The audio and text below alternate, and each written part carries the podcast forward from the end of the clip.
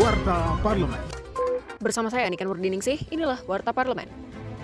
Wakil Ketua Komisi 8 DPR RI, Diah Pitaloka, mengatakan pelaksanaan rancangan undang-undang tentang kesejahteraan ibu dan anak akan disesuaikan dengan ketentuan perundang-undangan yang berlaku. Terkait hak cuti melahirkan dan laktasi dapat diintegrasikan dan disinkronkan dengan Undang-Undang Ketenagakerjaan. Diah menambahkan, pihaknya juga akan mengkaji kembali RUU KIA yang belum melindungi pemberdayaan perempuan pada sektor informal. Ia menilai pengasuh anak bagi pekerja migran perlu dimasukkan dalam RUU KIA. Warta Parlemen.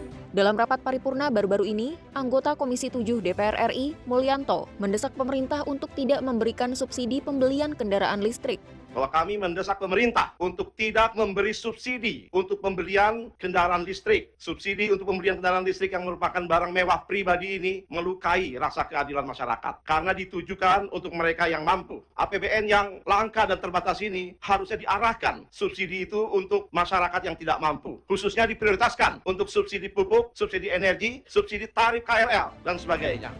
Kinerja ke rakyat dapat Anda simak melalui media sosial DPR RI saat melakukan pelepasan jemaah calon haji dari embarkasi Haji Padang baru-baru ini, anggota Komisi 8 DPR RI, John Kennedy Aziz, berpesan agar para jemaah saling membantu selama di Arab Saudi. Pasalnya sekitar 40% persen jemaah calon haji kloter kedua embarkasi Haji Padang merupakan para lansia. Menurutnya meskipun ada para petugas haji, peran jemaah calon haji muda sangat dibutuhkan untuk membantu para lansia. Apalagi saat ini suhu di Tanah Suci, terutama di Arafah, berkisar 46 hingga 47 derajat Celcius.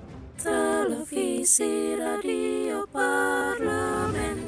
Demikian Warta Parlemen, Produksi Televisi dan Radio Parlemen, Biro Pemberitaan Parlemen, Setjen DPR RI.